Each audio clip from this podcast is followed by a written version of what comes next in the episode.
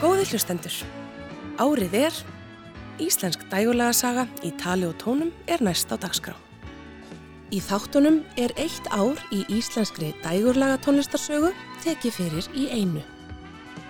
Ég heiti Sigriður Torlasíus en umsjónamenn eru Gunnlugur Jónsson og Ásker Eithórsson.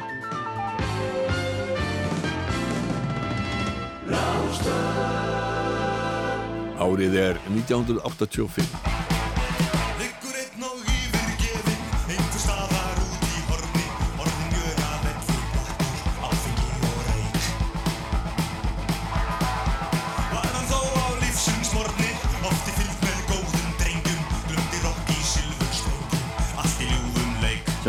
Mannakord kom aftur saman árið 1985 og sendi frá sig sína fjóruðu plötu í ljúum leik, þá fyrstu í heil 6 ár og hlaut platan frábærar viðtökur. Við heyrðum brot af titilæginu en Magnús Eiríksson sagði í viðtalið við Morgumblaðið sama ár. Merkilegast fannst okkur eiginlega hvað gaggrinniðu tóku plötunni vel. Þeir eru ekki vanir að vera hrifnir á okkur skallapoppurunum.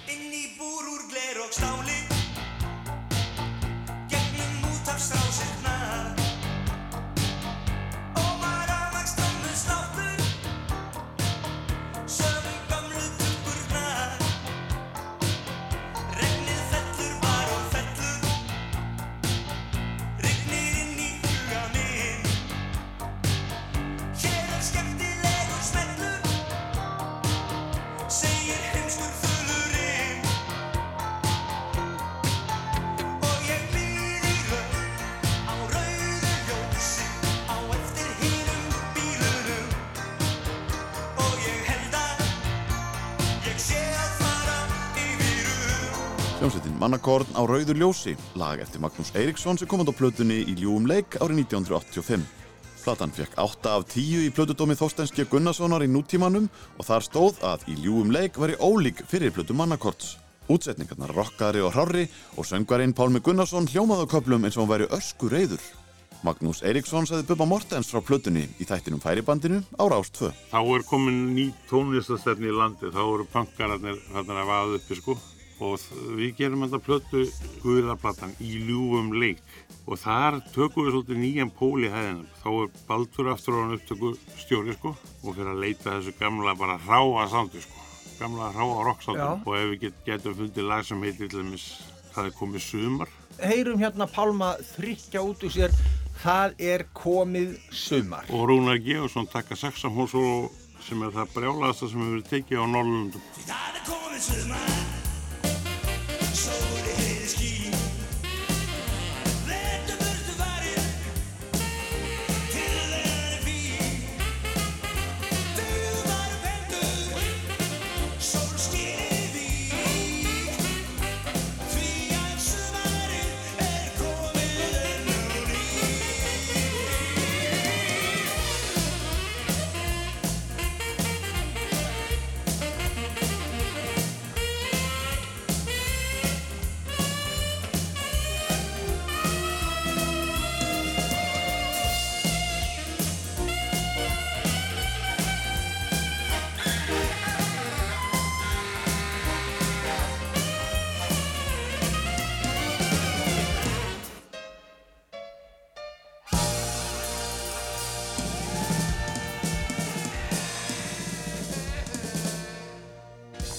Árið er 1985.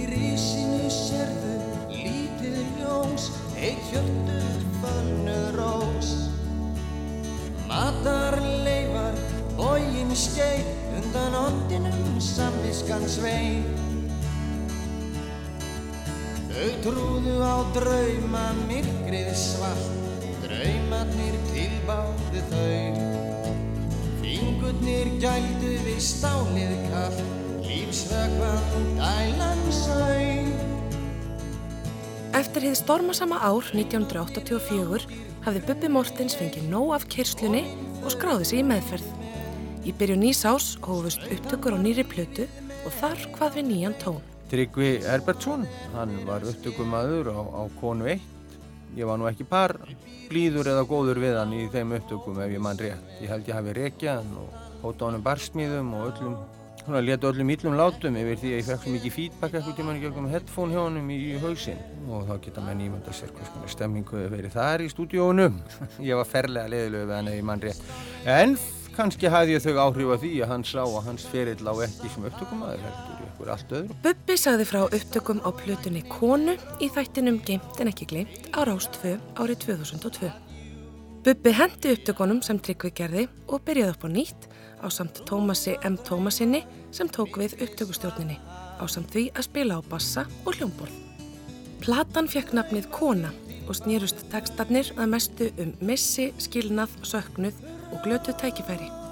Og undir heyru við eitt vinsalasta lægið á ferli Bubba, Rómeó og Júlia.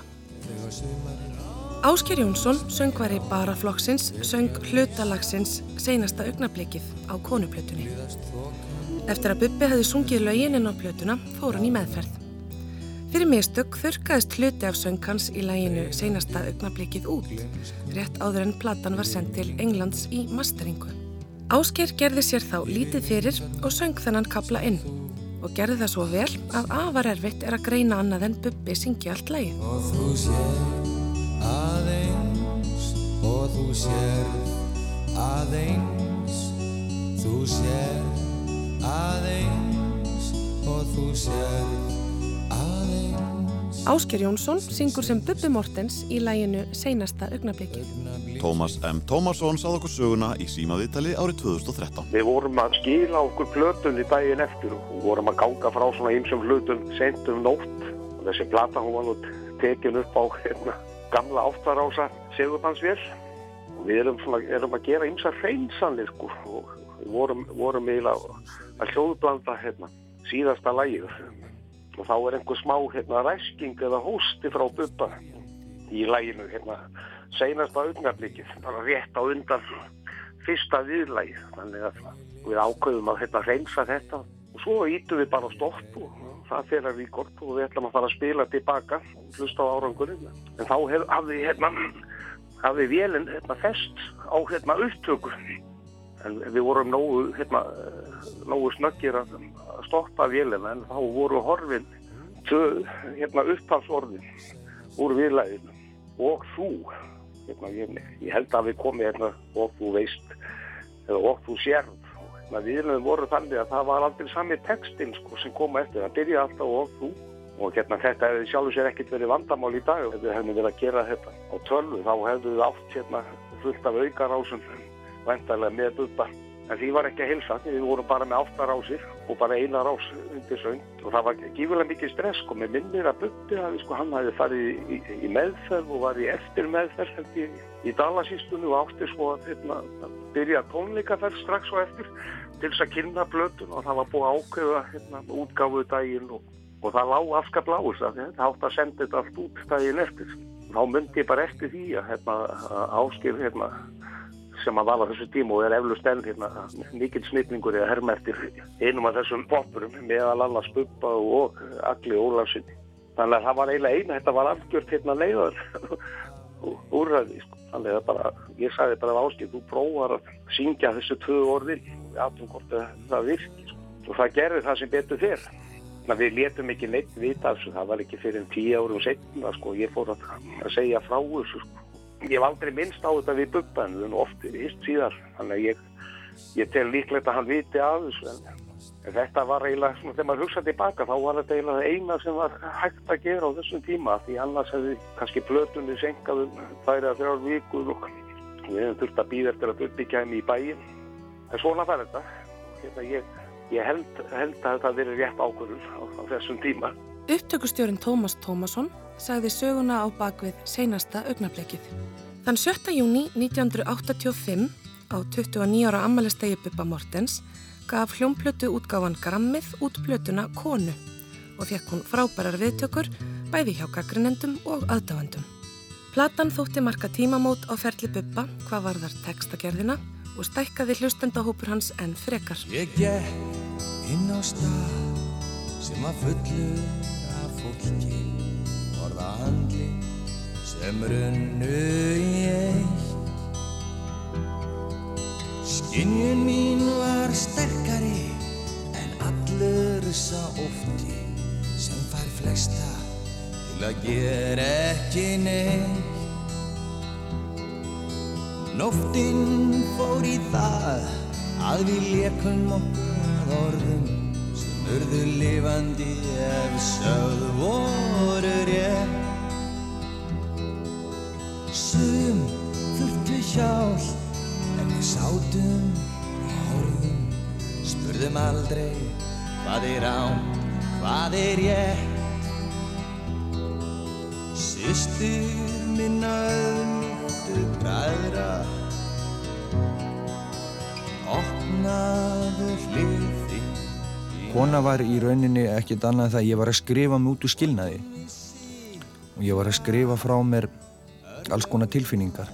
Músiklega var ég voru ánað með konu. Þetta er svona kertaljósaplata. Þarna held ég að ég brjóti niður þessa múra sem enginn á poptónlistina að þarna hafi ég fengið fólk ekki bara úlinga og ákveðna kretsur heldur alveg nýri smáfólkið og upp í gamla smáfólkið sem hafi kæft þessa blötu og það er vel, það er, ég er mjög ánægð með það en ég myndi, persónulega myndi ég líti ekki á konu sem mína bestu blötu og, og ég held að þegar framlýða stundir þá gerir fólk sér grein fyrir því að ég hafi gert töluvert merkilegri blötur en kona en ég er mjög sáttur við það að kona skuli vera þarna. Þá aðalóta þessu sem ég var að tala um og hún hafi kannski brotið niður múra og gert það verkum að, að fólk á öllum aldri hefur aksitterað mjög og mjög stað mjög merkilegt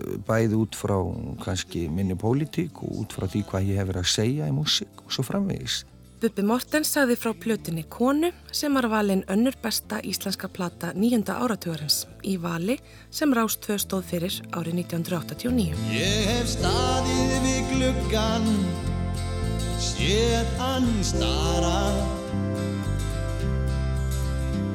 á norðan vindin út í fjúkinu leika sér Bubbi Mortens var með tónleika á Þorlóksmessukvöld á Hotel Borg með hljómsveitinni Sveina sextetinum.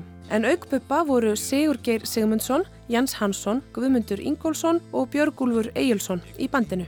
Þessir tónleikar hafa verið skilgreindir sem fyrstu Þorlóksmessu tónleikar Bubba og upp frá þessu hefur hann verið með tónleika á hverju Þorlóksmessukvöldi. Eldurinn í arninum með seiðandi skugga spyr mér hvar er hún nóg sem var vön að haldum höfuð þitt og rugga þér blítt.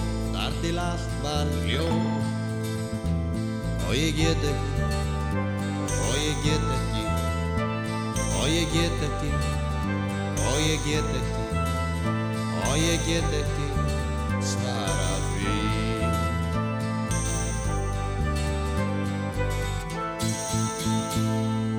Árið er 1985. Læjónsmenn með Svavar Gest, formann Læjónshreyfingarinnar í farabrotti, hófu landsöfninina Rauðu fjöðrina í fjórða sinn.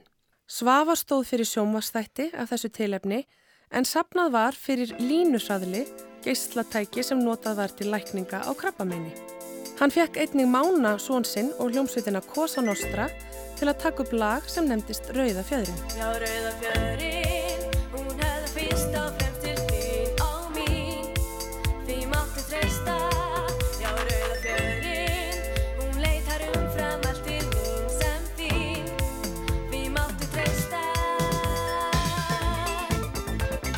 Lægið um Rauðu fjöðurina vakti aðtikli á Cosa Nostra en um haustið kom fyrsta plata hljómsættarinnar sem hlutnafnið Answers Without Questions og af henni náði lægið Waiting for an Answer miklum vinsældum.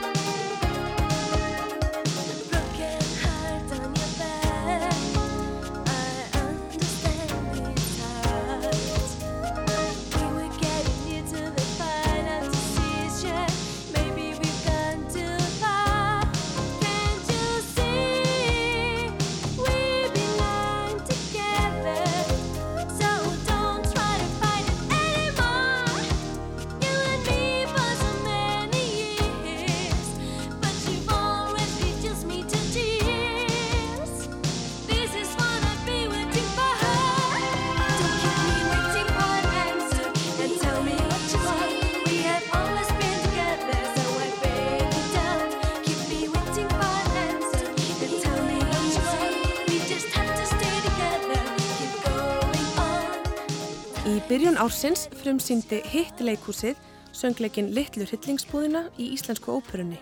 Í aðalhutverkum voru Leifur Haugsson og Edda Heðrún Backmann á samt latta en Björgun Haldursson ljáði plöntunni grimmu rödd sína.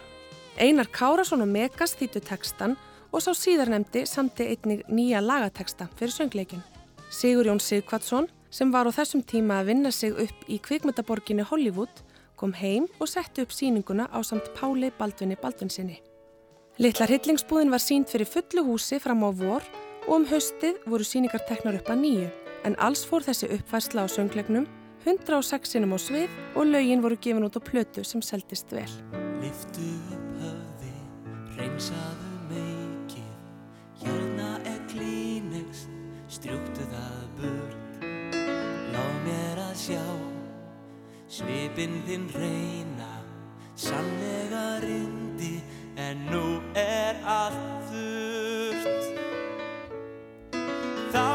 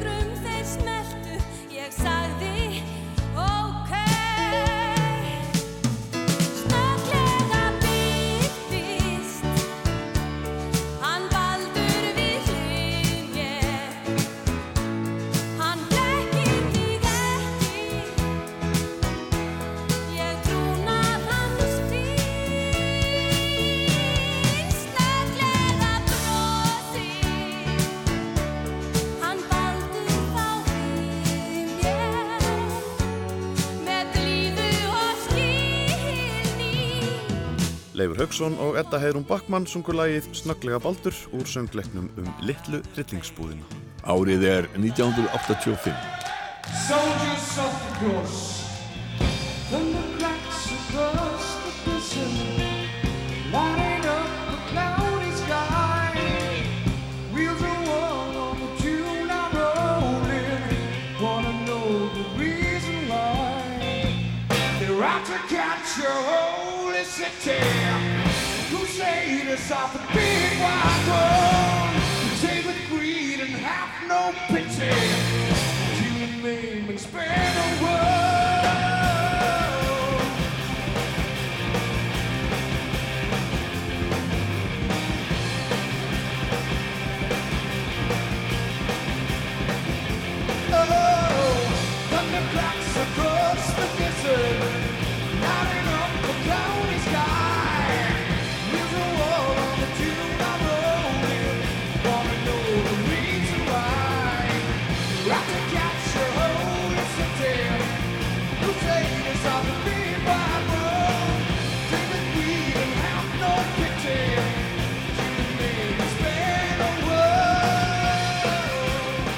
Þungarokks hljómsveitin Gypsy sigraði í músiktilunum um vorið og þarna heyrðum við upptöku frá tónleikum sveitarinnar í Laugardalshöll 17. júni.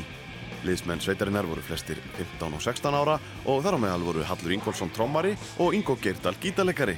Söngvarinn Jóhannes Eðsson var hins vegar nýju árum eldri en hann hafði heyrt sveitina æfa í sama æfingarhúsnið og bróðir hans Eyður og hljómsveitin Fist sem síðar varð Exist. Jóhannes bankaði upp á hjá úlingunum og smellpassaði í bandið en hljómsveitin Gypsy varð ekki langlíf og náði ekki að senda frá sér blödu. Special Treatment frá Húsavík var í öðru sæti en sveitin mætti að nýju til leiks í keppnina árið eftir með nýjan söngvara Felix Bergson og undir nýju nafni sem hljómsveitin Greifarnir. Hljómsveitin Fásina frá Egilstöðum endaði í þriðja sæti í keppninni en úrslitakvöldið fór fram í Tónabæ og Áskir Tómasson var kynir kvöldsins. Fásina var eina sveitin af þessum þremur sem gátt plötu 1985. Liðsmennsveitarinnar tók upp fjarlalega plötu og hættu svo störfum skom eftir hún kom út. Hittlægið með Fásinu náðu þó allalegir í áttundasæti á vinsaldalista Rásar 2.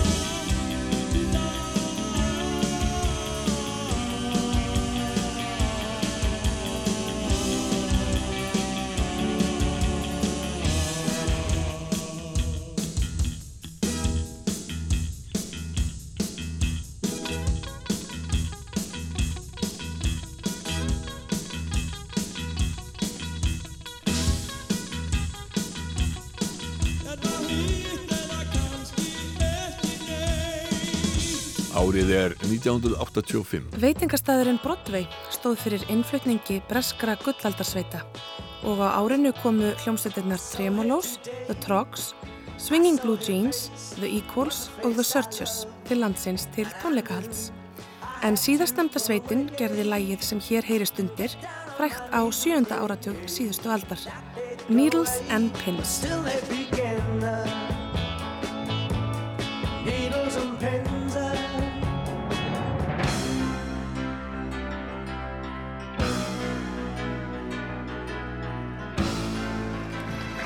Er stundin að renna upp eh, hér í veitingahúsinu Broadway í Reykjavík eh, þar sem framferð var að á fegur og drottningu Íslands 1985. Hér komast færri að en vilja. Við eh, höfum fyrir satt að fyrir utan þá um 700 sem hér eru séu um 500 á byggðlista. Hér er enda mikið um dýrðir, góður matur og skemmti atriði á heimsmæli kvarða og annar viðgjörningur góður í kvívetna og svo að sjálfsögðu stúlkurnar sem keppa í mikilli vinsemt um titilinn Fegurðardrottningi Íslands 1985. Björgvin Haldursson var skemmtarnastjóri Broadway árið 1985. Öllu var tjálta til á einum af hápunktum skemmtarnalífsins í Reykjavík, Fegurðarsankjöfni Íslands og við heyrðum Helga Pétursson lýsa stemmingunni á staðnum í útsendingu Ríkisjónvarsins. Sömu helgi og keppnin fór fram, leik íslenska karlalandsliði í knattspyrnu við það skoska og Rod Stewart fylgdi sínu liði til landsins. Roddarinn gátt afdráttarlausa yfirlýsingu um að myndi ekki koma neinstaðar fram en aðstandendur keppninar gerðu þó samning við kappan um að vera viðstættur krýningu þegar drottningarinnar. Rod Stewart mætti á svæðið og Björgvin var með tilbúna Rod Stewart lagasirpu með hljómsveit Gunnar Þórðar og gerði sér vonir um að hægt vera að lokka kappan á sviðið.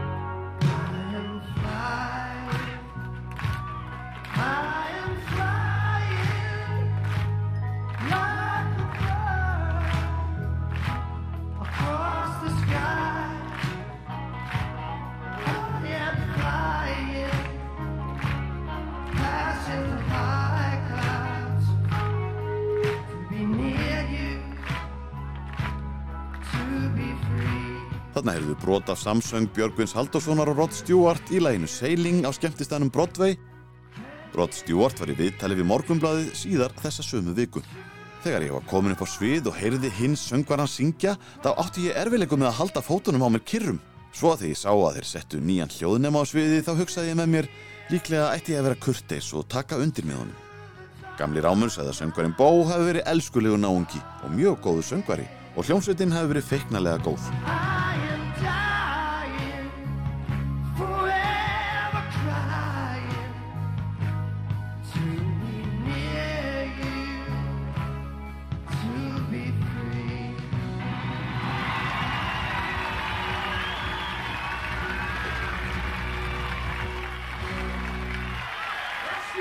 Árið er 1985. Gísli Helgason gaf út hljómplötuna Ástarjáttningu um vorið 1985.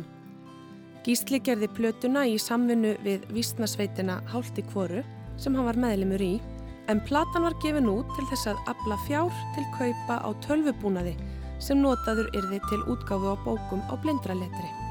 Áætlað var að þessi búnaður myndi kosta 750.000 krónur en salan á plötunni gekk vel því Gísli afhendi blindrabókasafni Íslands ágóðan alls 1 miljón króna.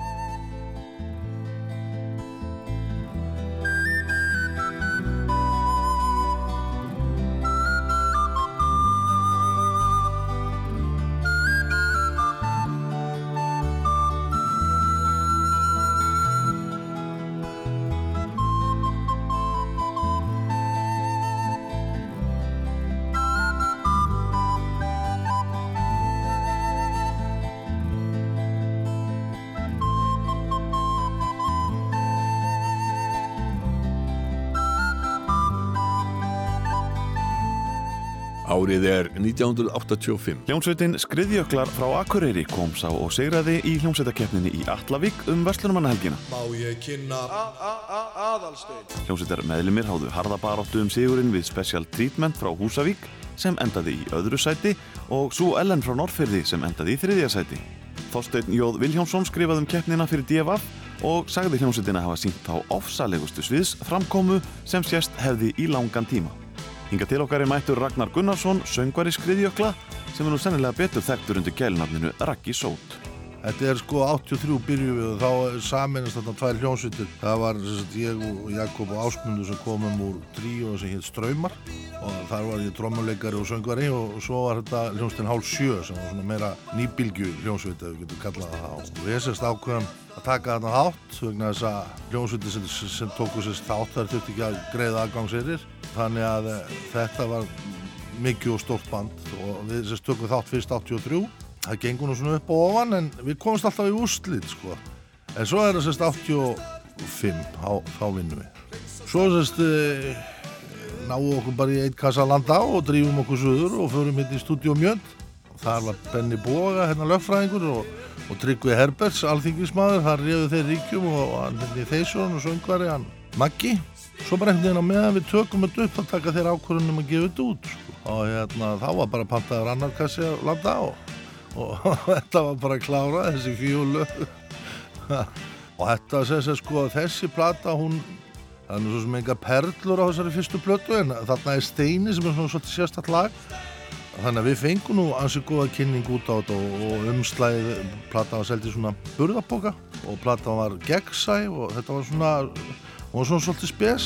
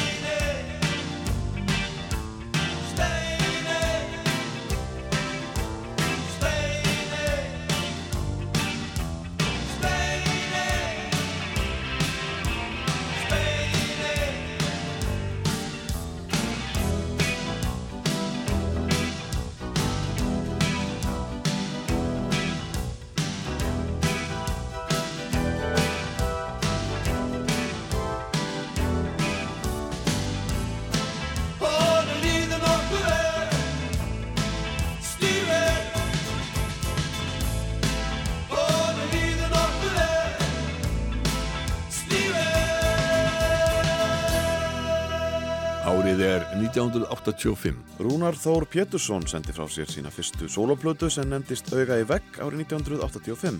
Á plötunni eru sjö lög og fekk hann söngvarana Eirik Haugsson, Bubba Mortens og Sigurd Sigursson, kjendan við hljónstina Eik og íslenska kjötsúpu til að syngja þrjú þeirra. Tittilægið Auga í vegg er farið að hljóma þar sem Rúnar Þór og Bubbi Mortens syngja saman. Ef að ég horfi Horfið á Skynja ég aftur Þessa frá. Augað í vegnum Augað það sér Sér mig hvort sem ég fer Augað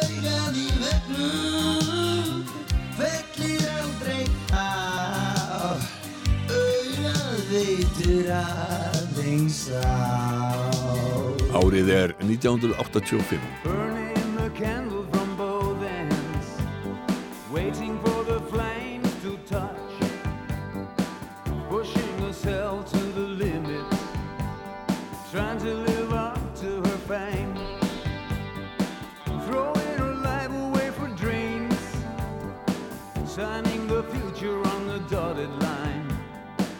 Burning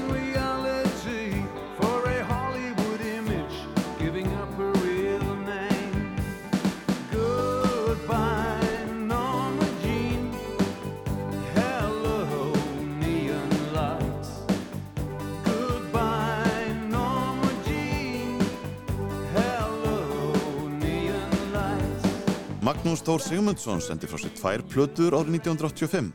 Barnaplötuna Óla Prigg og soloplötuna Crossroads sem kom út undir lokás 1985. Crossroads var hann í Surrey Studio í London og náði dreifingarsamningi við stórfyrirtækið RCA í Breitlandi. Magnús var búsettur á Englandi á síðri hluta 8. áratugurins og allir textarplötunar voru sungnir á enskri tungu. Í viðtali við nútíman sagðan að honum fyndist enskan passa betur við rockið. Hann fekk marga valinkunna hljóðfæraleikara til liðs við sig og þar á meðal Ásker Óskarsson á trommur, Skúla Sverrisson á bassa, Þórð Átnason á gítar, Þorstein Jónsson á hljómborð og Vilhjálmur Guðjónsson blés í saxofón og sá um blásara útsetningar. Platan fekk góða dóma hjá íslensku poppressunni og Þorstein G. Gunnarsson hjá nútímanum gaf henni til dæmis nýju af tíu mögulegum og saði Crossroads vera verðugan fulltrúa íslenskar tónlistar á erlendum mörkuðum.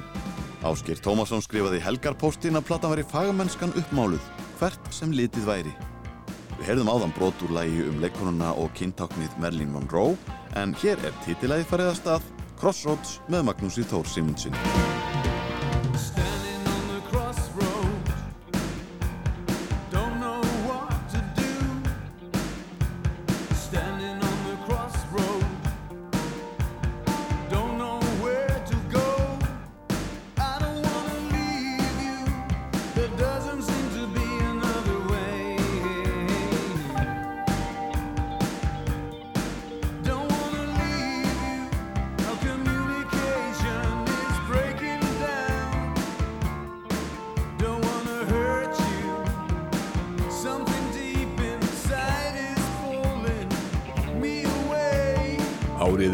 1985.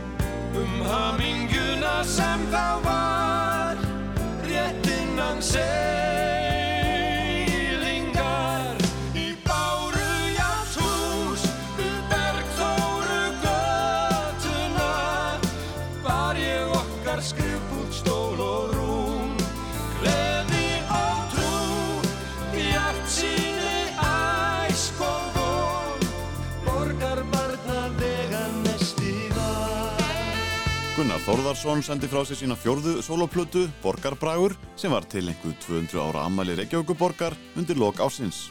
Ólafur Haukur Símonusson samti alla texta á plötunni fyrir utan einn. Við Reykjavíkur tjörn sem Davíð Oddsson, þáverandi borgarstjóri samti, en Björgvin Halldórsson og Egil Ólafsson sungu lagið. Auk þeirra sungu Pálmi Gunnarsson og Eiríkur Haugsson lögin á plötunni og sá síðanemdi söng tvö lög, annað þeirra heitir Gull.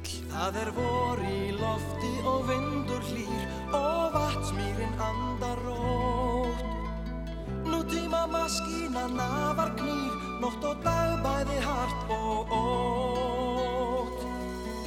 Það er borað hér, bæinn skortir víst, blessað vatnið þann helga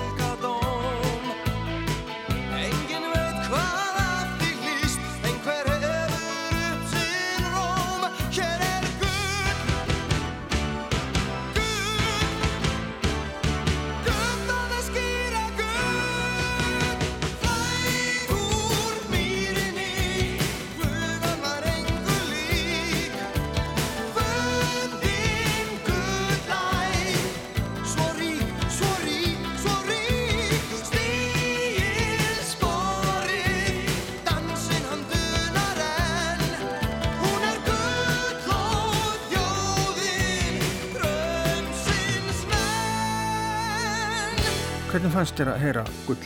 Já, mér finnst bara gaman það, það er ágætið sound á því. Það er nefnilega bara fínt, fínt sound. Það er ekkert rosalega mikið 80s.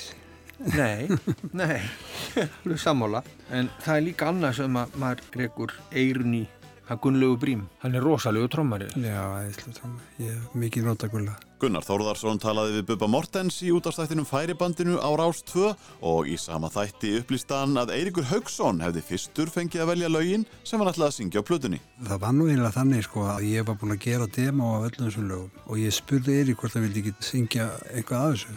Hann var alltaf bara töff við mig og sagði ég vil bara fara að hlusta á öll lögin og velja lögin sem ég ætla að syngja. Gott hjá honum. Já, og ég sagði ok, bara spilaði þessi lög fyrir hann og hann, valdi þessi stöðu.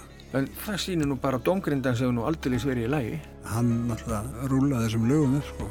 Og Gaggo Vest er nú kannski bara hans þekktasta lag á ferlinum. Já, held ég. Bjallan glimur Gróft er hennar mál Gagg og vest Hefur enga tildur sál Eins og sést Eins og sést Eins og sést Þá er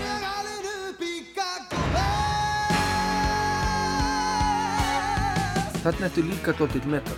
Tekstin bara gaf það til kynna sko, veist. Já. Sem er eitthvað balvið við þennan texta sko.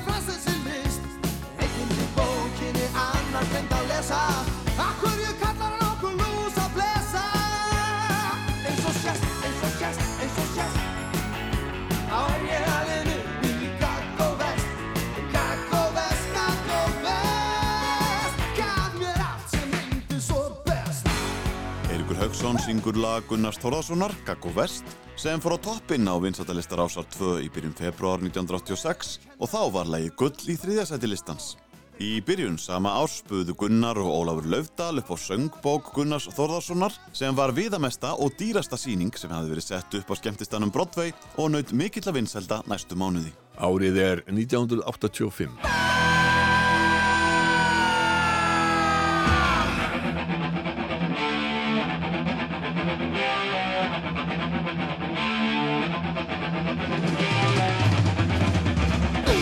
Eiríkur Haugsson var söngvari í þungaráksljónstinni Drísli sem gaf út sína fyrstu hljómplötu Welcome to the Show vorið 1985. Eiríkur sagði við helgapóstinn að ekkert útgáðufyrirtæki hefði treyst sér til að gefa út plötuna af fræðslu við ennsku textana. Liðsmenn hljómsveitarinnar gáðu plötuna því út sjálfur og vonuðust eftir þúsund eintaka sölu því þá er þið tapið viðráðanlegt eins og þeir orðuðu það.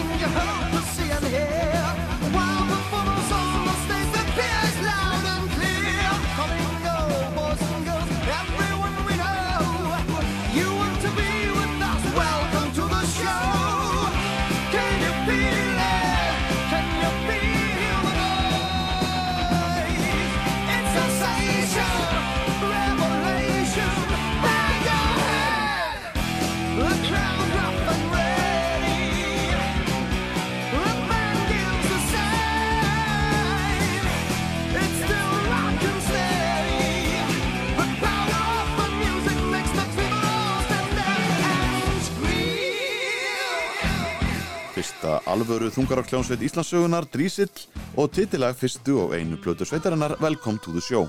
Hafi menn einhver tíma að tali sig hafa heyrt íslenskt þungarokk fram að þessu er það áræðilega miskilingur.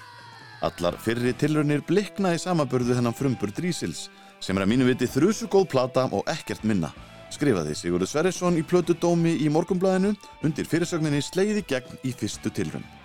Eiríkur Haugsson var gestur Freys Eyjálssonar í þættinum Gemt en ekki glemt í byrjun ás 2007 þar sem platan Welcome to the Show var til umfyllunar. Og hér talar hann um lagið Left Right. Þarna ætlaði ég að búa til hitt. Þetta er svona, við getum alveg sagt að þetta, sé léttasta lagið á plötunni, sko.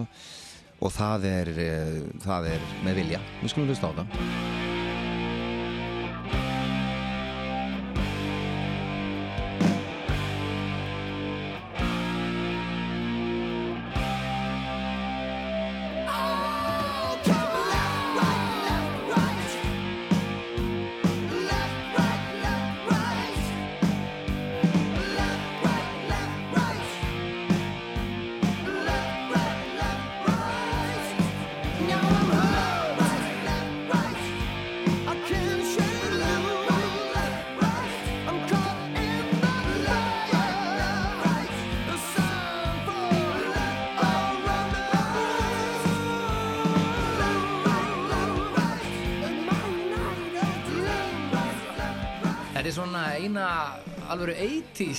Þungarokklæða blöðinu myndi ég segja. Eiríkur. Já, þetta er það sko, þetta er eins og ég sagði þetta Það er voðalega gaman að hlusta á þessu lög núna ef- eftir þetta langan tíma ég, þú veist eh, ég hef verið alveg rosalega hérna aktífur á þessum tíma því, þú veist að því eins og til ein, Einar Jóns gítarleikara til dæmis, er, eh, ég heyra hann hefur verið alveg í þrjusu stuði á þessum tíma en, en, en samtímis þá heyri ég, ég man eftir því sko að ég var með svo mótaðar hugmyndir um, um, um þessu lög að ég svona, ég stjórnaði manni gítasólónu hjá hann sko, ég var ég kunni gítasólóin í haustnum en ég hafði ekki tæknina í, í puttunum til að spila þau sjálfur sko.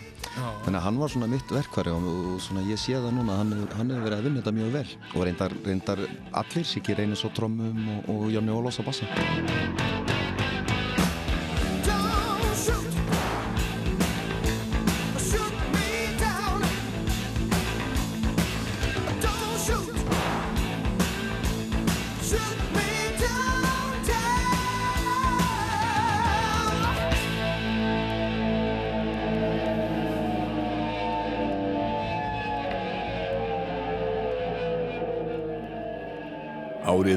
1985. Hljómsveitin Kentár spilaði blúskoti rock og voru tónleikar sveitarinnar rómaðir hjá tónlistar áhugamönnum. Söngvarinn og munnhörpuleikarin Sigurður Sigursson var með sviðs framkomin á hreinu en á meðal annara meðlima má nefna trommuleikaran Guðmund Gunnlaugsson sem var lengi í 60s og hljómbósleikaran Pálma Sigurhjöstason sem gerði það gott með sniglabandinu skömmu síðar. Kentár sendi frá sér plötuna Same Places árið 1985 og hér heyrum við lægið Celebration.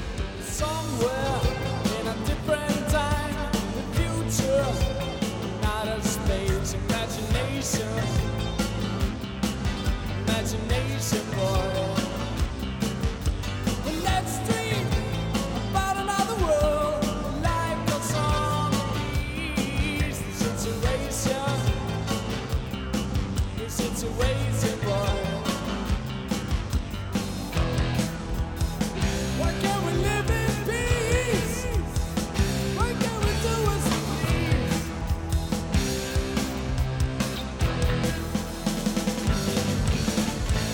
Árið er 1985. Sumargleðin varð 15 ára á þessu ári og sem fyrr fór hópurinn í ringferðum landið og eins og alltaf var fyrsta skemmtinin í stapanum í Njarðvík. Í hópnum voru 17 manns en Bessi Bjarnason, Ómar Ragnarsson, Ragnar Bjarnason, Magnús Ólafsson og Hermann Gunnarsson stóðu í framlínunni. Latti stóð í ströngu á árinu 1985, hann tók þátt í upphæslu á hryllingsbúðinni, var með síninguna Sögursbaug á Hotel Sögu og á sama stað byrjaði síningin Latti á Sögu um haustið, þar sem rifið voru upp fyrstu 17 ár Latta í skemmtarnabransanum.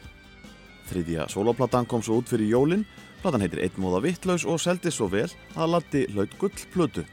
Hann var í ýmsum gerfum á plötunni sem Saxi Læknir, James Bond, Herra Smile og Tarsan Ababróðir, svo nokkur dæmi séu tekin. Vinsalastala plötunar, Tóti Tölvukall, var flutt af skrámi og öðrum góðkunningja Latta. Hæ, Eiríkur Fjallar hérna, ég ætla að syngja eitt lag og með til aðstofur er... Það er ekki byrja strax. Ég veit að maður. Jæja, þá ætlum að taka eitt lag fyrir ykkur. Gjör þau svo vel. Eitt, tveir og þrýr. Tóti var einn í tölvulandi, alveg takka óður fjandi. Tölvuspilin óður var, hann var alveg spinnikar. Hann var pínu lítill kall með augnaskjá og eyru eins og trompet. Já, hann var ekki í lofti hár, já, ég myndi segja svona um það byrj tvö fett. Árið er 1985.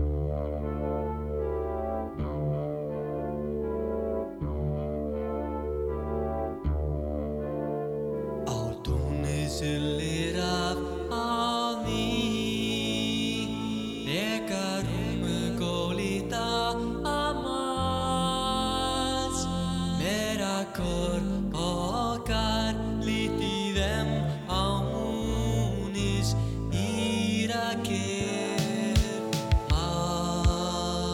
Við höfum verið að gera svona dægulega sumri til við námsmenn, ég og Pétur Gretarsson, slagverksmeistari og eh, einhverju hluta vegna þá fór þetta lag í mikla spilun veturinn 86, Mm. minni mig.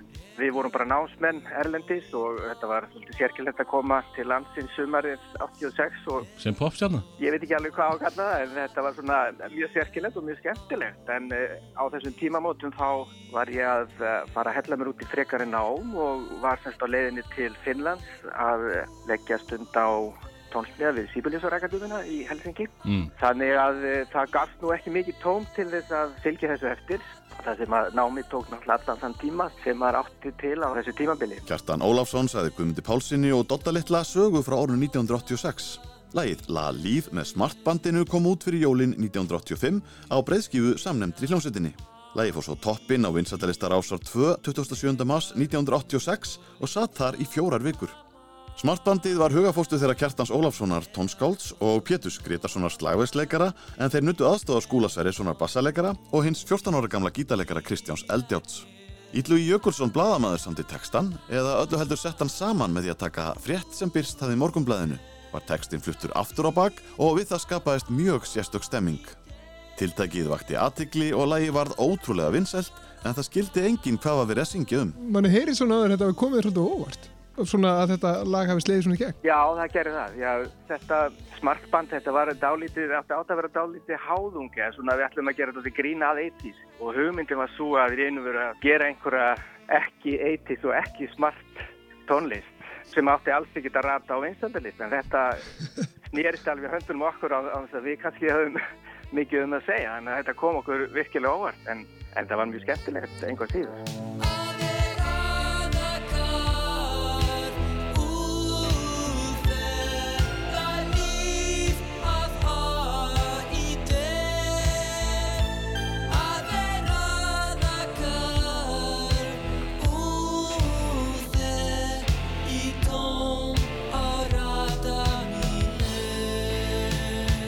Árið er 1985.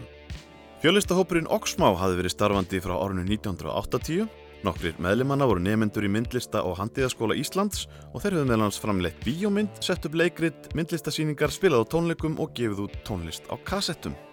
Flestir meðlimir hópsins áttu síður eftir að hasla sér völl á öðrum vettvangi og má það nefna trommuleikaran Kormák Geirharsson, bassaleikaran Jón Stengrímsson, gítarleikaran Axel Jóhannesson og saxofónleikaran Óskar Jónasson sem eru jafnvel betur þekktir undir gælunöfnunum Kommi, Jón Skuggi, Langiseli og Skari Skrýbó. Í Oxmá voru líka orgæleikarin Hörður Bragason og söngvarinn Hrafkjell Sigursson. Árið 1985 sendi hópurinn frá sér þryggjalaga plötuna Ripp Rapp Rupp og þar vakti lægið um hérna 13 ára gömlu Kitty töluverða aðtikli. En textin var mjög umdeldur, sem og myndbandið sem sveitin gerði við lægið, en hljómsveitin Oxmá hætti störfum sama ár og platan kom út. Kormákur Geirharsson upplýsti um ástæðu þess að platan var bara þryggjalaga í útvarstættinum Virkum Mornum á Rástfö. Já, það var reyndar, það er synd með þetta, þetta er sko þryggjalega plata sem var gefin út og við áttum pening fyrir 20 tímum í Hlórida og 10 tímar fóru ég að gera trommusondið út af því að upptökumæðurinn var með trommufettis og ég var ós að þreyttur eftir 10 tíma að vera, þú veist, að berja settið. Þetta var eiginlega, þú veist, við hefðum getað náð sko 5 eða 6 lögum. Mm. Ef hann hefði bara tekið, þú veist, vera 2 tíma í að finna sound en ekki 10 tíma. Já. Þetta var alveg ömuleg.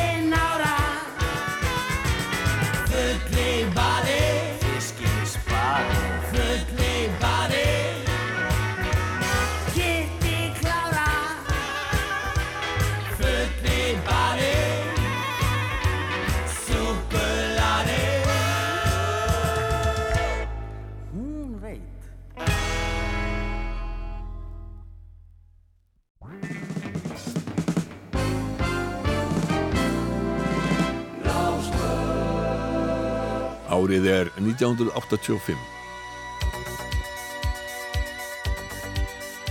Herbert Guðmundsson var fluttur í höfuborgina og lagði allt undir á annari sólaplötu sinni Dawn of the Human Revolution. Herbert stóð í skilnaði á þessum tíma og ákvað að nota alla peningana sem hann fekk út úr íbúð sem var seld í að fjármagna plötuna sem hann gaf út undir eigin plötumerki, Bjart síni. To the problems. Men just can't turn away. Cause in this life, people try to walk away and say it's okay. But I have seen terror scream,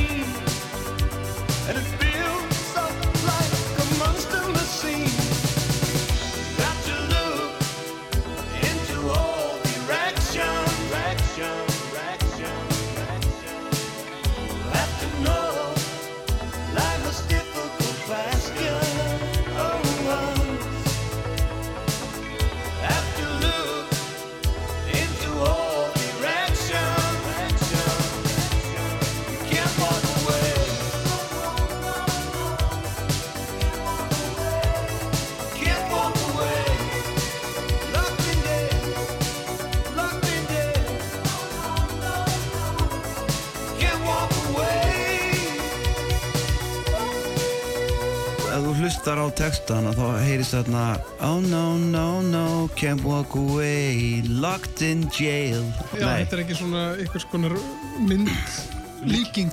Nei, mar, mar, margir held að ég segði hérna Lucky day, lucky day. Veistu það, ég hef haldið það þángað til bara núna. En það er locked in jail. Og 1977 var ég svo kallaði túkokk sem hann kallaði kannanda aðstofar kokkur á fraktskipi. Og tók pakka til Íslands frá Hollandi og í þessum pakka voru fíknefni og ég vissi ekki að það hefði verið einhvern rosa rassja hérna heima meðan ég var hann úti. Og þegar ég kem heim þá mæti bara hersveitin um borð, bara fíknefnalöðurglan, bara tveir spýttbátar og ég er handtekinn og, og læti. Og hérna er settur í gæsluvarðald. Á skólavistu nýju fæ ég gítarinn inn. Og var mikið stapp að fá hljóðfæri þarna inn og ég fæ gítarinn inn og þá kemur þetta lag til mín. Hérna, There's a way every day to the problems that man just can't turn away cause in this life people try to walk away and say it's okay but I have seen a terror scream and it builds up like a monster machine. Og svo kemur hérna viðlagi Got to look into all directions. We have to know that life has difficult questions. You can't walk away að því þú lokaður inn Já. í fangilsi Já. eh, en þú talar um að þetta væri 77 Já, 77 sko sem ég lagið. Svo vinn ég ekkert, svo á ég bara þetta lag. Síðan er ég svo gæfisamur hérna eh, 84 að kynna Stengri með eina sinni og þeir voru hérna hann og bróður hans svona langt og undan sinni standi konum með synthesizera og sequensa og það, það var allt steppað inn í þetta. Við vorum með, þegar við vorum að keira þetta inn í stúdíu vorum við kannski með fjóra, fimm, sex svona hljómborð, synthesizera sem að hver kerði sí- sína línu. Einn var að taka dum, dum, dum, og annar var að taka bjartari bassagang og svo var einn að gera dat, dat, dat, dat og einn var með svona mottu sem við kallum Prophet og trommu heila. Og ég segir ég er með lag hérna eh, held að svona ágæti svona melodía og við prófum að prógrama það og það var þetta lag. Þannig að ég vissi aldrei þetta er svona mikill, mikill hittari sko. ég, ég vissi náttúrulega að ég var með gott í höndunum en þess að ég tók á ákvörðuna hljóðblanda plötuna út í Breitlandi tók upp hjá Ditta fiðlu hérna í stúdíunum hans, stemmu fekk Magnús Thor með mér í bakrættir til að úsetta bakrættir og, og var með Steina hérna, í eik á gítar og svona, hafði alltaf live spilamenn með live bassa jafnvel og live gítar til að gefa sér smá element. Svo fengum við Janis Karol sem er fræg uh, sönguna og söng í hérna í Kanada íslensk, amerísk, mjög góð. Hún er með svo rosa háa rödd og hún opnar lagið þarna. "Ah." það held allir þetta að væri Helga Möller. En þetta var rosa gaman, ég vil meina að sko, ef maður, ef maður lærir lífinu þá var þetta svona vandamálin eru eldur við framfærana og ef þið hefðu komið tíminn og sagt mér þetta á sínum tíma þetta ætti til að verða mega hit þá hefði ég ekki trúið ykkur sko. Herbert Guðmundsson sagði frá gerðalagsins Can't Walk Away. Lægið er eitt af lífsegustu 80s lögum íslenskrar dægurlagasögu og var í efsta sæti vinsældarlista Rásar 2 í tvær vikur undir lok ársins og platan seldist vel. Þar með varð Herbert fyrsti íslenski sólósöngvarinn til að koma lægi á topp listans, en áður höfðu HLH-flokkurinn og Mezzoforti náð þessum árangri. Árið er 1985. Pétur Stefánsson, myndlistamæður, fór fyrir hljómsettinni Big Noise Band sem gaf út sína fyrstu plötu árið 1983. En nú var Pétur komin með aðra hljómsveit, PS og K, byggða á sama grunni. Platan í Léttum dúr kom út í byrjun sumars og vakti mikla aðtikli með læginu Ung og Rík.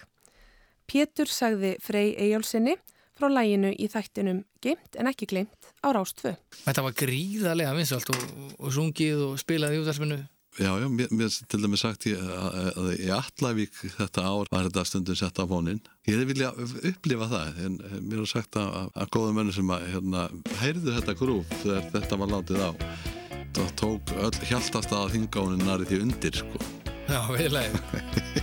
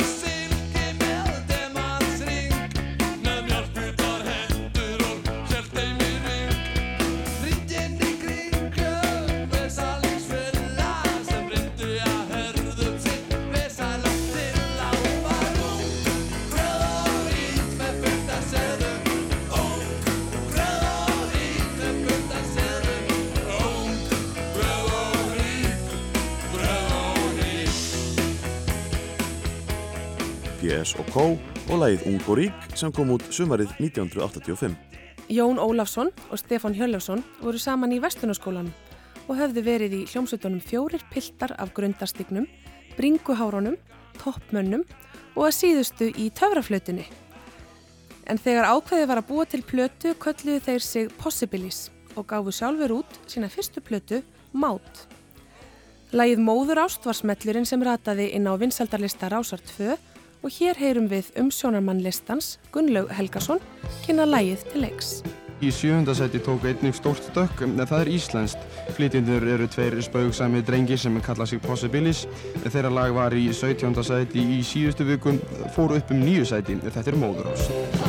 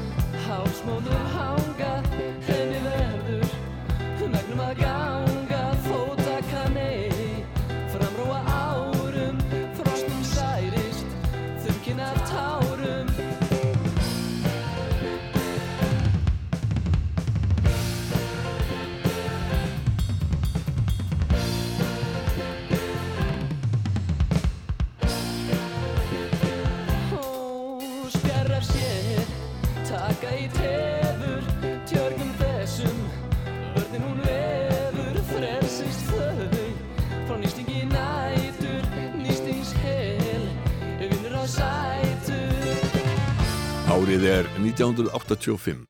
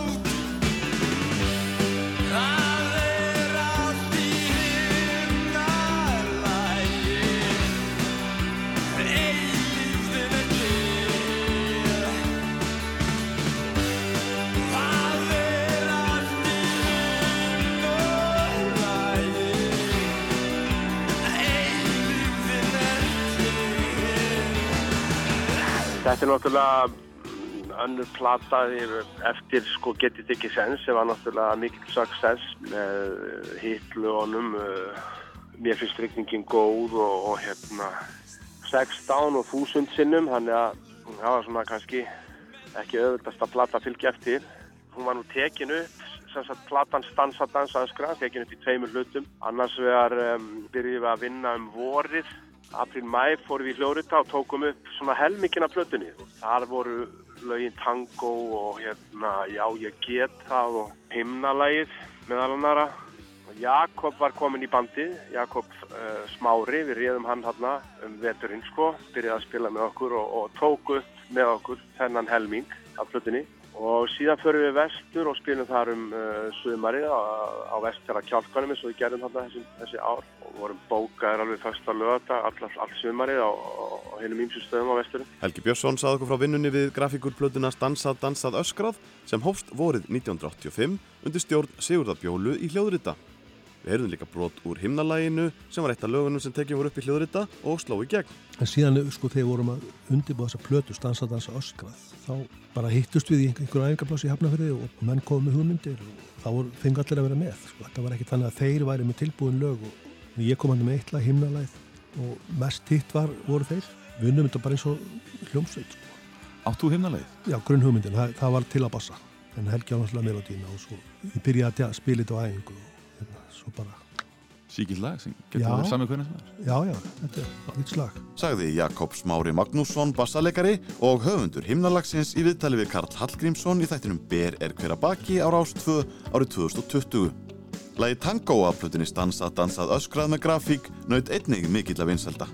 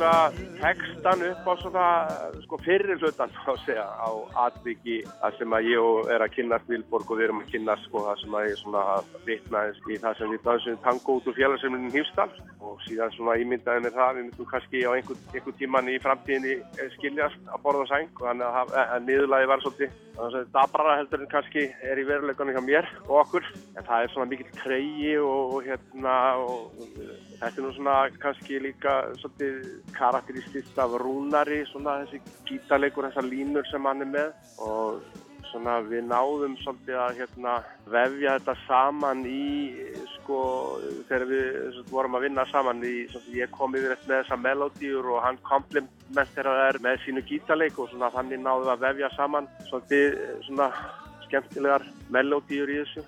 En einmitt í þessu lagi tango má nú sérstaklega minnast á ingang smekla bassalínu, leikja á bandalösan bassa og að auki grípandi hljómborstef hjartar í viðlæðinu. Helgi Björnsson og Rúnar Þóritsson sögðu frá læginu Tango. Um haustið fór grafík til Kaupanahafnar til að spila á Norrokki sem fulltrúi Íslands á árlegum tónleikum þar sem allar Norðurlandaþjóðirnar áttu sinn fulltrúa. Þegar við eh, komum aftur úr þeirri ferð þá hérna eru mannabreitingar í lónsettinni. Jakob er eh, hættur og hérna í bíl allavega og Halli Þorstens kláraði og þá förum við svo að við gerum útgáðsamningu við, hérna Mjöt, það var hérna stúdíu Mjöt á Klappastíð og við tókum restin af plötinu þar.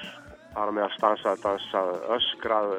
Maður heyri það að maður hlustar á plötuna. Það er svona, þú heyrir svona tenginguna betur, sko, milli plattana í, á fyrirlutanum eins og þessum lögum sem ég nefndi á.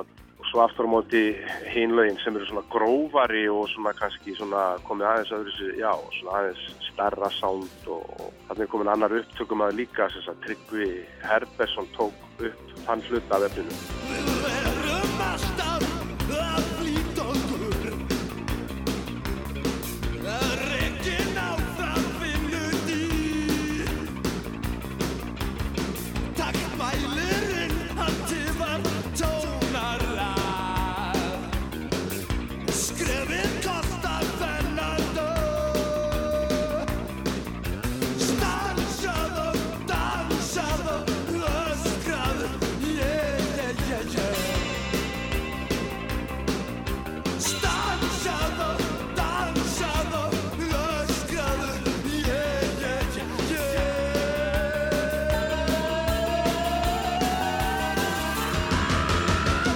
Grafík og lagið Stansaðu sem var eitt af lögunum sem voru tekin upp haustið 1985 í stúdiói Mjöt. Platan Stansað dansað öskrað kom út þann 9. desember. Setna upptökuferlið gekk ekki eins vel og það var komið þreita í samstarfið og teikna á lofti um að Helgi myndi hætta í ljómsveitinni. Já, það má nú eiginlega segja svona að einhverju leiti vegna þess að ég er komin þarna í síningu í, hjá leikfélagi Reykjavíkur sem heitir Land míns föður á þessum tíma og um, er að leika sex kvöld í viku. Hún var frumsýnd þarna bara í september og var leikinn allan veturum fram á vor. Það gerði það að verkum að, að sko, stassemi með hljómsveitinu var eiginlega bara eh, ekki bóði. Sko. Ég átti eitt kvöld í viku frí, það var mánudagskvöld. Þannig að það var í rauninni starfsemi, starfsemin lág eiginlega bara alveg niður í allan þennan vetur sko. Og uh, það var náttúrulega líka komin kannski pínlítið þreytt í samstarfið og við gerðum þarna nokkra hljómleikum vorið, spiluðum í, í lögatarsöllinni, þar sem að voru þarna á listaháttíð árið sem að Madness og Lloyd Cole og þessi bönd voru með tónleika í lögatarsöll og síðan fórum við eitt túr vestur og fyrir því og þá hættum við eftir það. Eftir það fórum við Jakob út úr bandinu. Já, ég get það ef mig langar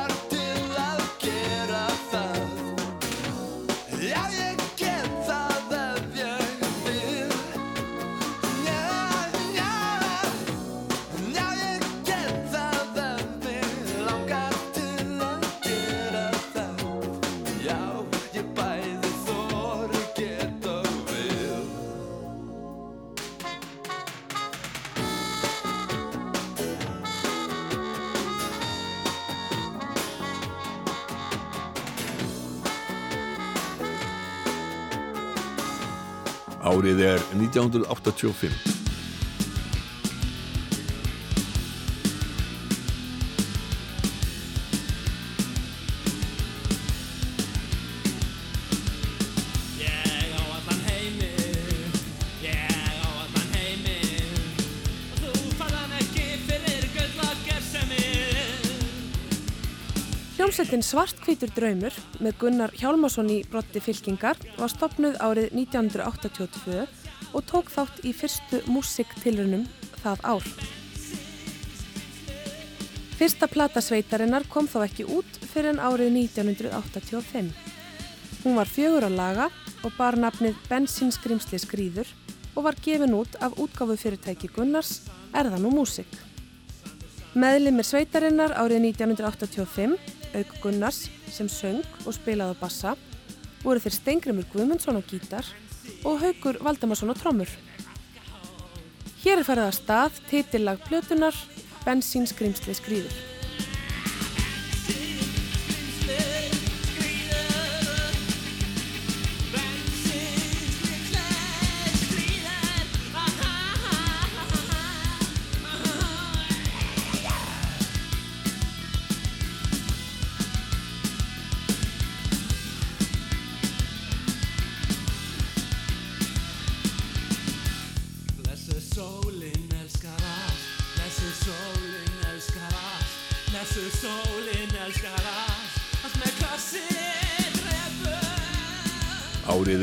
1985.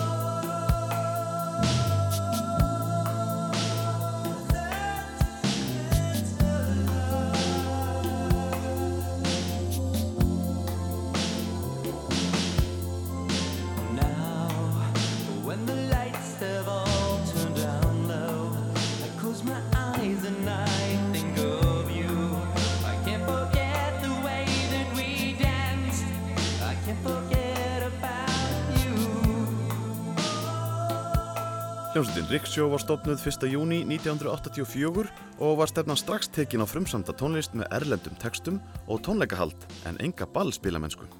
Riksjó kom fyrst fram ofinbellega 23. november 1984 eftir margra mánada strángar æfingar.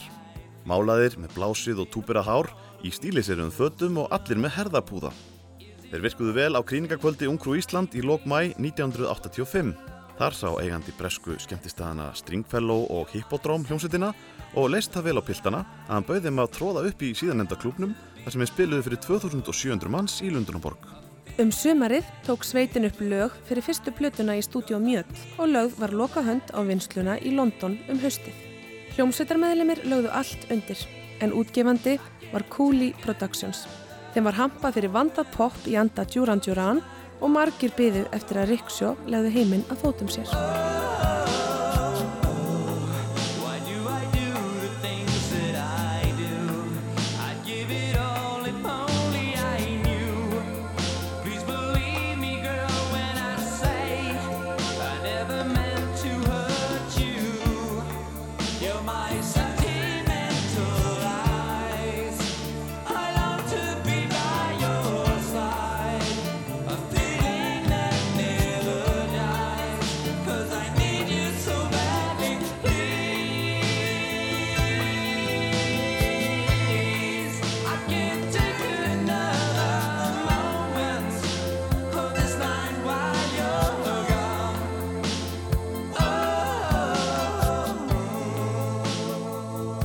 Hljómsveitin Riksjó og lagið Sentimental Eyes sem var annað lag sveitarinnar sem sló í gegn. En Riksjó vakti fyrst aðtekli með laginu Into the Burning Moon. Karl Óskarsson og Jón Tryggvason í Frostfilm gerði myndband við lagið og var það frumsýnt í sjómastættunum Skonrokki 7. desember 1985 og valið besta tónlistarmyndband ásins í lesendakostningu sem Morgonblæði stóð fyrir um það besta í íslensku poppi árið 1985. Í þeirri kostningu kom nafn Riksjó fyrir í flestum flokkum og sveitin var meðal annars valinn bjartasta vonin.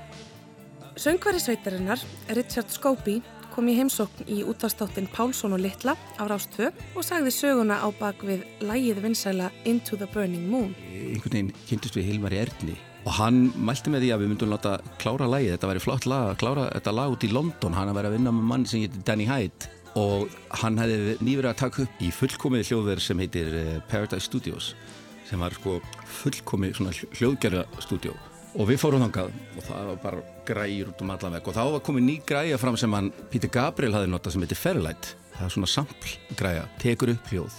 Þú veist og hann var notað hérna í Shock the Monkey. Og við urðum að fá þetta. Það er náttúrulega rándýr græja og svona. Við förum hérna inn og, og þarna kom eiginlega þetta Duran sound sko því miður hérna, hérna View to a Kill. Og þú veist þetta var náttúrulega bara svo nýtt við vildum náttúrulega bara fá þetta sound. Mhm. við vorum ekkert að spá í Duran Duran er djöfull að draga það sem eftir væri með þetta lag en, hérna, en þetta var dýrt. Og við stráknum vorum svo ungi og nýbúin að fá kreditkort og við vorum að borga fyrir upptökuna með þessi júrakorti við við vorum alltaf að hlaupa út í hraðbanka því að þú veist, við sáum að klukkan var að difa og veist, tímið var að vera búin og það var alltaf einhver að hlaupa út og Kaupa næsta tíma? Já, og það var þannig Svo vorum við bara búin með stúdíotíma og það var bara nokkri klukkutímur eftir og ég var ekki búin að syngja lagið. Og við urðum að kaupa stúdíotíma á nóttunni og við vorum búin að vera vakandi í 36 tíma.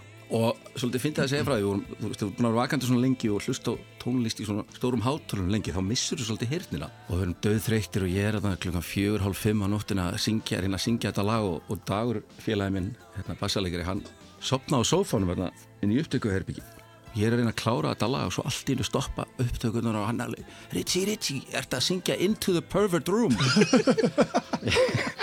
Þetta er svona saga, ég segi, ha, Into the Pervert Room. Já, ég sverða það, við erum að hlusta all lagið aftur. Svo að vera viss sem ég hefði ekki sungið Into the Pervert Room. Svo klárum við það og svo er annað því að við erum vakandi þá hérna svona lengi og þreyttir þá eh, heyrið það var rosalega mikið reverb á þessu lagi. Þetta var svo mikið og heyrnum var farin og þegar verið að mixa þetta því að lagið var bara að mixa þetta á klukkutíma. Svo hérna býðum við strákarnir spenntir eftir að, þú veist, að búið að pressa þetta úti og platan á að koma út 15. november hérna 85 við setjum út á fónu og alveg spenntir og heyrum þessa ríföpsúpu og við erum í algjöru sjokki. Svona við erum að, já það verður að halda fundi við þessu, hvað við erum að gera, þetta er en þá var bara ákveð að slá til og segja þetta var að nýjasta nýtt frá Englandi. Að vera með svona ríföpsúpu, það væri málið. Ef við ætlaðum að vera hipp og cool þá erum við með svona mikið reverb og við seldum þetta eins og við gátum í öllu viðtölum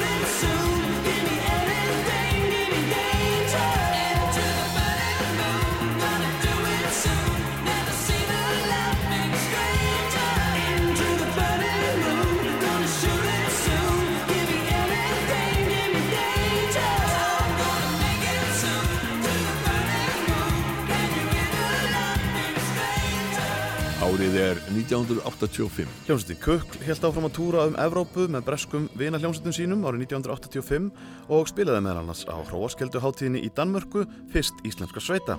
Undir lok ásins sendi sveitin frá sér sína aðra plötu, Holidays in Europe, hér á Íslandi, en hún kom út erlendis í upphafi ás 1986. Hér heyrðum við brot úr uppháslagi plötunar, Outward Flight, Passíusálmur, nr. 323.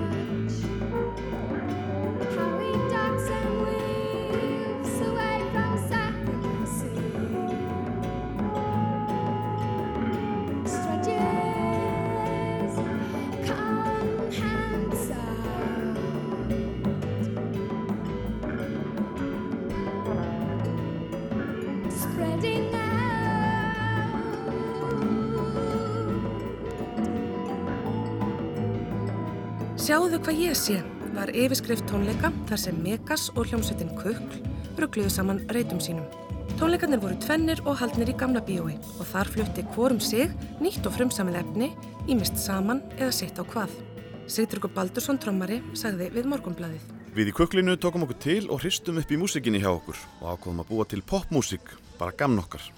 Árangurinn kölluði frumefni vinsaldalistana og það er þetta efni sem verður fyrst og fremst á bóðstólum hjá okkur á tónleikunum. Tónleikarnir voru teknir upp og til þess að hljómurinn á upptökunum yrði sem bestur var sérstaklega fluttur til landsins breskur hljóðmaður, Mel Jefferson.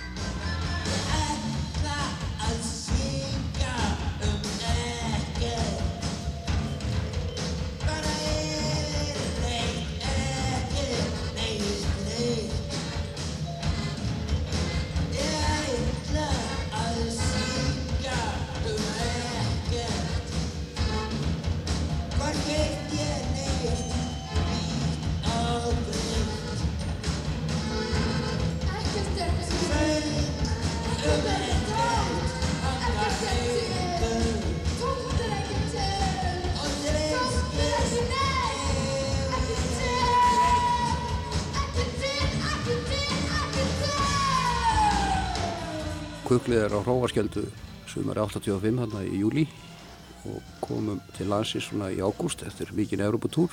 Við erum árið sjóðandi heit og velspilandi og, og þá förum við að starfa með Megasi. Og plottið var sem sagt tvenni tónleikar í óperunni, Gamla Bíó, sem voru þá 7. og 7. september. Maður reynir að hljóður þetta alla tónleikar sko, en þarna tjöldum við aðeins meiru til. Við vorum með þarna, okkar, okkar ensinýr, Mel Jefferson, sem gerði til dæmis Holidays-plötuna og hafði líka, unni mikið með okkur tónleikum. Þá fengum við fjara ása maskinu og hann tók upp tónleikana. Sko. Þetta var nánast undatengilast allt nýlög og mörg samin bara þarna í ágúst. Þarna var Magnús að vinna með texta sem að síðar reynda skiluðu sér í útgáfu en reyndar undir allt annari tónlist. Og gott af því það er hérna heilræðavísur og söngurum ekki neitt. Hann kom út sex árum síðar á glæpakvöntinu Stella og svo kom að, á þreim blóðurópum þá kom, kom heilræðavísunar. Þannig að þarna var hann virkilega að frumflýtja texta sem átt þetta að verða mjög frægir með annari tónlist. Við vorum með ný lög, þarna. við erum alltaf búin að vera að spila þarna allt sumarið í Európu og alltaf verða til svolítið mikið af nýju lögum þegar maður er að túra. Allur mannskapurinn, því að Kukli starfaði núna alltaf í hálfgjörði fjárvinnslu, af því að Einar Örn var alltaf í London, við hinn á Íslandi. Þannig að þetta var svona fjárvinnslu band, hittust það kannski ekki svo oft aðal á sumurinn erlendis. Guðlaugur Kristinn Óttarsson, galdramaður og gítarleikari hljómsdæmnar Kukls sagði söguna á bakvið Mega Kukl og hér heyrum við annað tóndæmi af tónleikunum í Gamla bíói.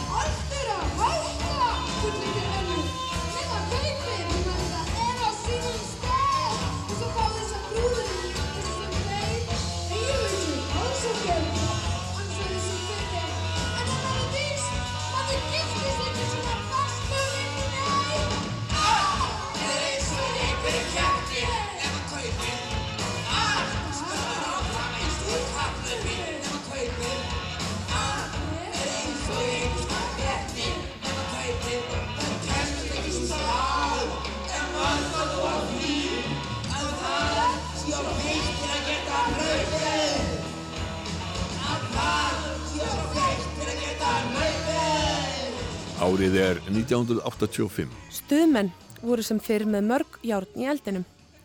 Þeir frumsýndu mynd sína hvítir mávar og þrátt fyrir að 30.000 manns hafi séð myndina var mikið tap á henni, enda fór kostnaðurinn langt fram úr áallun. Sveitin gerði víðreist um landið um sömarið, þar sem hún heimsótti meðal annars Hólmavík og hjælt Gunnarsvöku til heiðus Gunnari Þórðarsinni, þar sem hreppsnemd Hólmavíkur var afhent brjóstmynd af Gunnari úr vaksi sem Óskar Jónasson hafi gert. Gunnar tróð svo upp með hljómsveitinni á balli á staðnum. Stöðmenn gaf út plötuna í góðu geimi sem innihjalt þrjú ný lög og að auki lög sem komust ekki á plötuna úr myndinni með allt á hreinu. Og eitt nýju lagana var Segðu mér satt eftir Valgir Guðjónsson. Skilmerkilegustu skoðana kannanir sína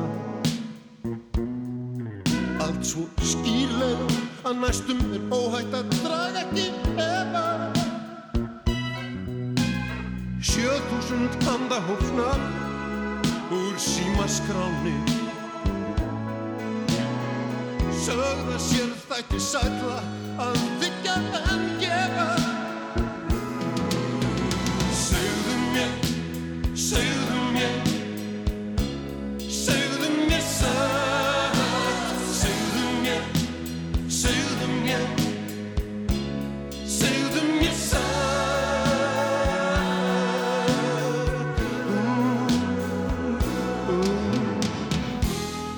Ragnhildur Gísladóttir og Jakob Fríman gerðu lagið Fegurðardrottning sem var frumflutt í sjónvastætti Bryndísa Skram, gestir hjá Bryndísi í byrjun ás 1985 en kom svo út á sapplötu fyrir jólin.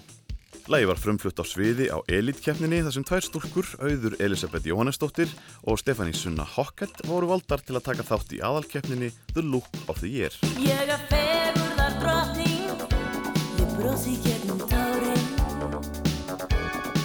Ég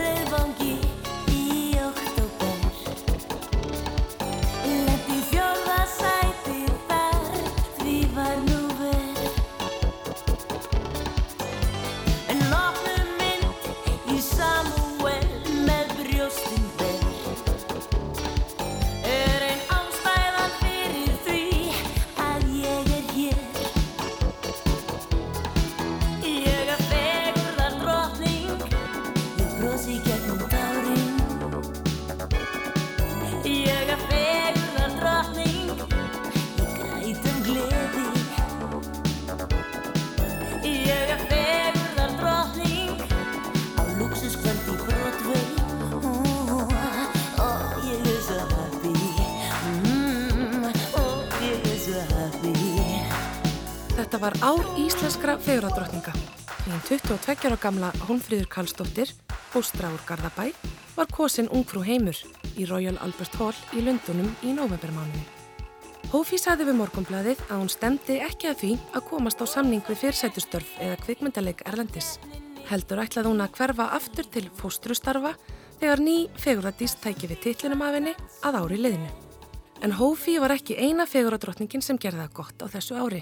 Því Sif Sigfúsdóttir var einni kosin ungfrú Norðurlönd um haustið. Sunnan yfir sæin breiða, sumarilinn vindar leiða, draumalandið hímin heiða, lær og opnar skautið sitt, vori kemur heimur hlínar hjartað mitt.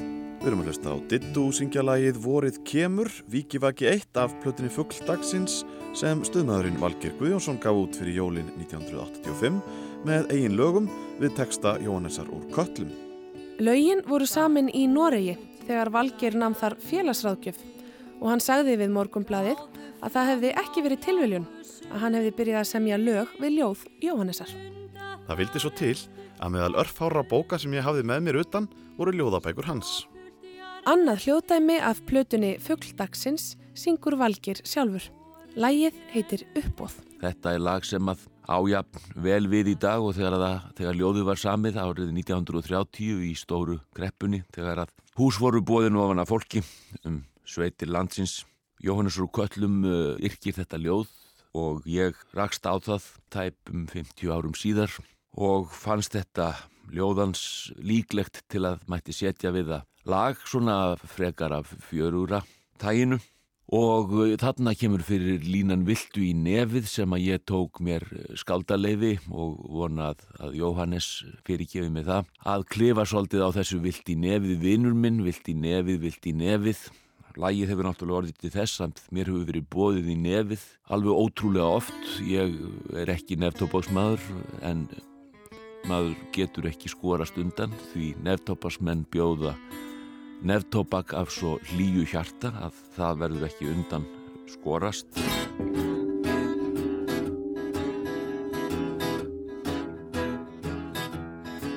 Hér er stríð og hér er mæða Hreppsjórinn og oddvitinn sín á milli. Saman ræða. Sumir kunna ekki að græða. Vilt í nefið vinnur minn. Sumir kunna ekki að græða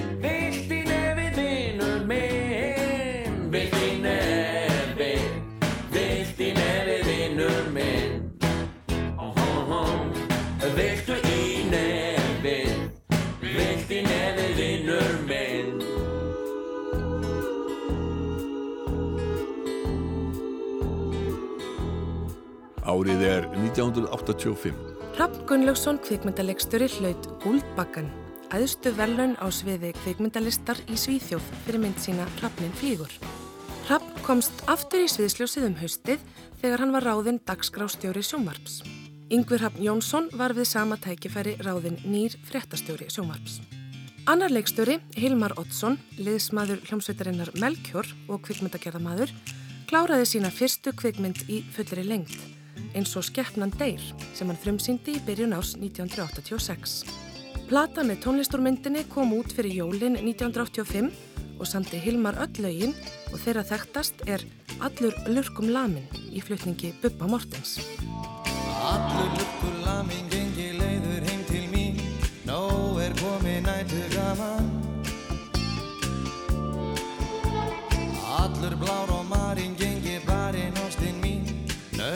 þurfa að sofa saman. Aftur einn svektu Út í tilveruna þar á meðal þig. Aftur einn biskup Hvað á að gera mér að bleins og mig? Anna glóður auga Eitt, tvö spór í munnvíkin Glessu kerði mótu hjóli að illa rífið eitt, tvö högg á nefnbrotinn Alltaf sama vandamálið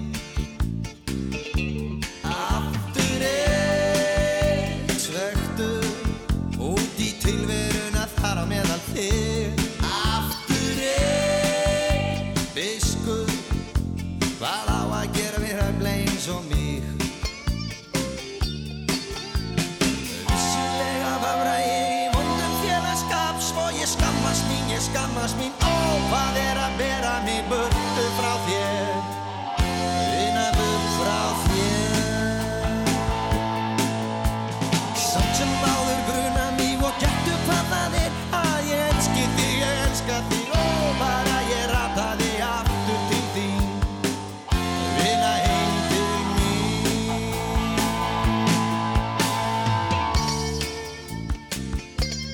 Sverrir Stormsker gaf út sína fyrstu hljómplötu í byrjun sumars sem hafði að geima 16 hittlög eins og segir á sjálfu plötuumslæginu.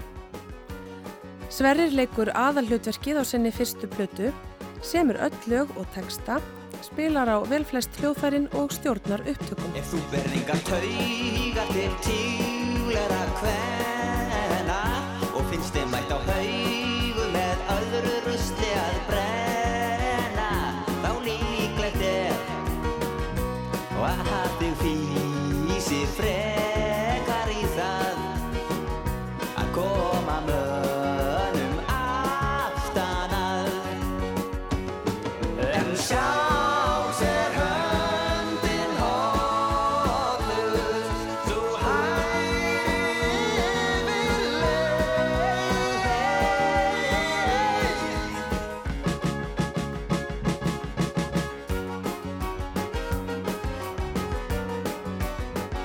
Árið er 1985.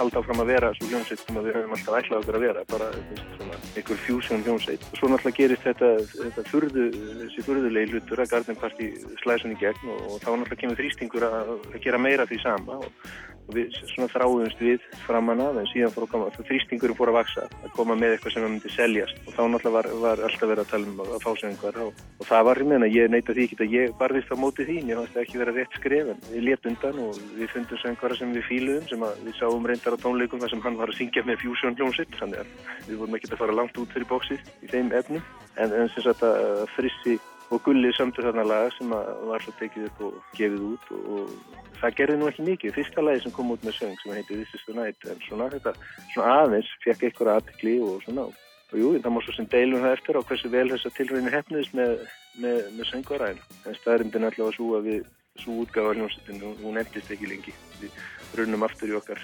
eðlilega far, getur við sagt.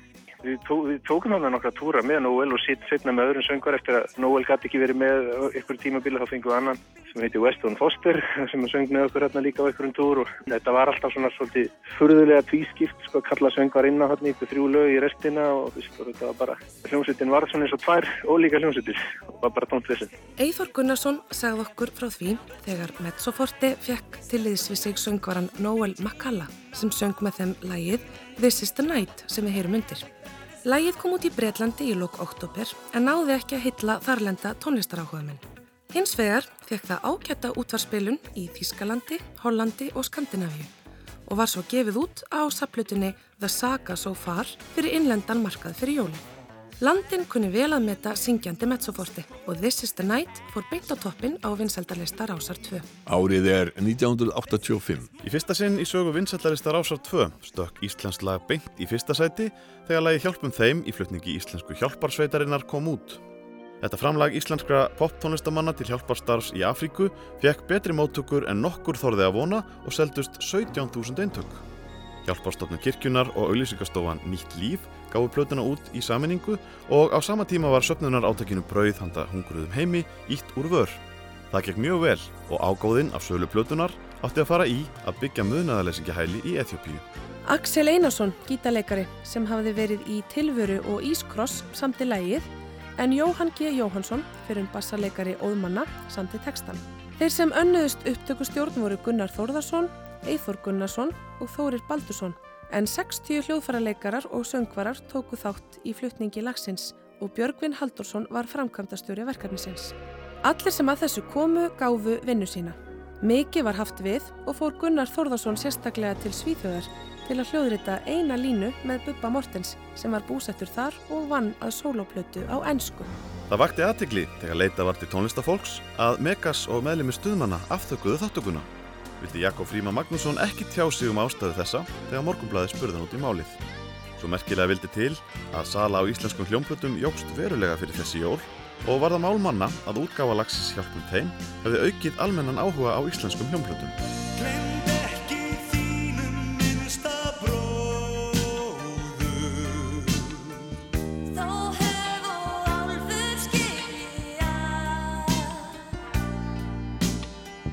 Þó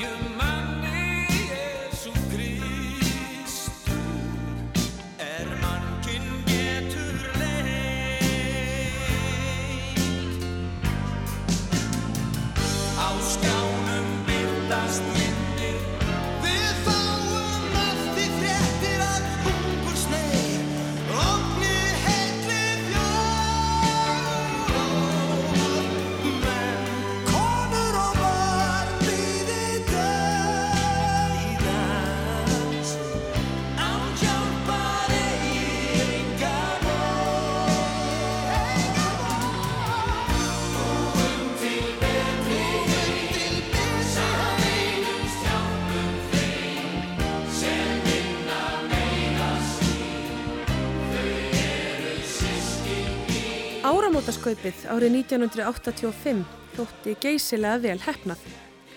Sigurður Sigurjónsson var leikstjóri í fyrsta sinni í sjónvarpi og Egil Edvarsson stjórnaði upptökum en hann var að koma aftur til starfa í sjónvarpinu eftir langt hér. Handrit var í höndum Sigga Sigurjóns, Latta, Randvers Þorlákssonar, Karls Ágústs Úlssonar og Arnar Arnarssonar sem átt eftir að vinna mikið saman síðar. Í skaupinu voru meðal annars kynntir til leiks bræðurnir Magnús og Eyjólfur Löfdal. Ejólfur, en sambandi eitthvað við aðra bæi? Nú eru þið náttúrulega með síma. Nei, nei, nei, nei. Þið eru ekki með síma, nei? Nei, nei, nei, nei, nei. Hvers vegna eru þið ekki með síma? Já, blessaður, það, það ringir aldrei nokkur kjartur í okkur. Nei, já, á hverju heldur það? Þess að við erum ekki með neina síma.